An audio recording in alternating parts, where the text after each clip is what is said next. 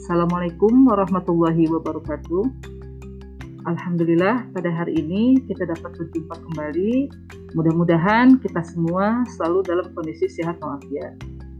Perkuliahan hari ini akan membahas mengenai tujuan jurnal penyesuaian dan eliminasi dalam proses penyusunan laporan keuangan konsolidasian. Adapun tujuan dari penyusunan jurnal penyesuaian dan eliminasi adalah untuk menghasilkan jumlah yang benar bagi laporan keuangan konsolidasian. Jurnal penyesuaian dan eliminasi tidak akan mempengaruhi akun buku besar perusahaan induk maupun perusahaan anak.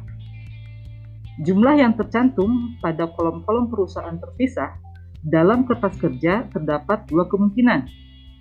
Yang pertama, disesuaikan sebelum dimasukkan dalam kolom laporan konsolidasi.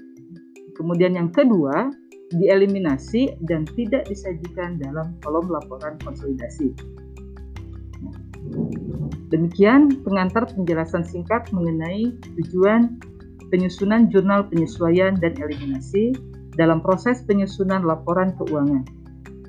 Sampai berjumpa pada podcast berikutnya. Terima kasih. Assalamualaikum warahmatullahi wabarakatuh.